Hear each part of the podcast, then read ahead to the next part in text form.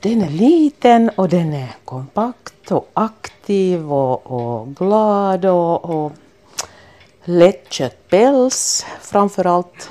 Det uppskattar jag mycket högt för att jag har haft en afghanhund och en bearded collie tidigare. Det är mycket päls. ja, det är verkligen mycket päls. Ja.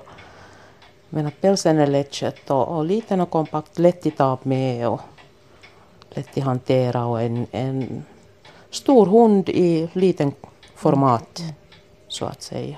Är den här lätt att lära om man liksom vill ha den att göra saker ja. och ting? Ja, men visserligen har de en egen vilja också.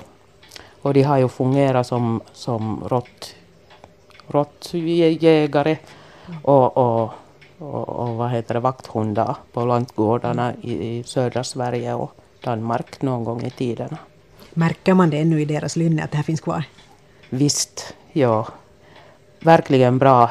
Jag kan berätta att jag hade en, en vacker blomrabatt här någon gång i tiderna framför fönstret liksom genom. Det var borta på nolltid. okay. Blomlökarna kom upp. Och, ja, man vet aldrig var de kan finnas där. Ja. Ja. Kom upp i famnen Kom bara. Kom, kom. Eller vill du inte? Nej, du måste inte. Nej.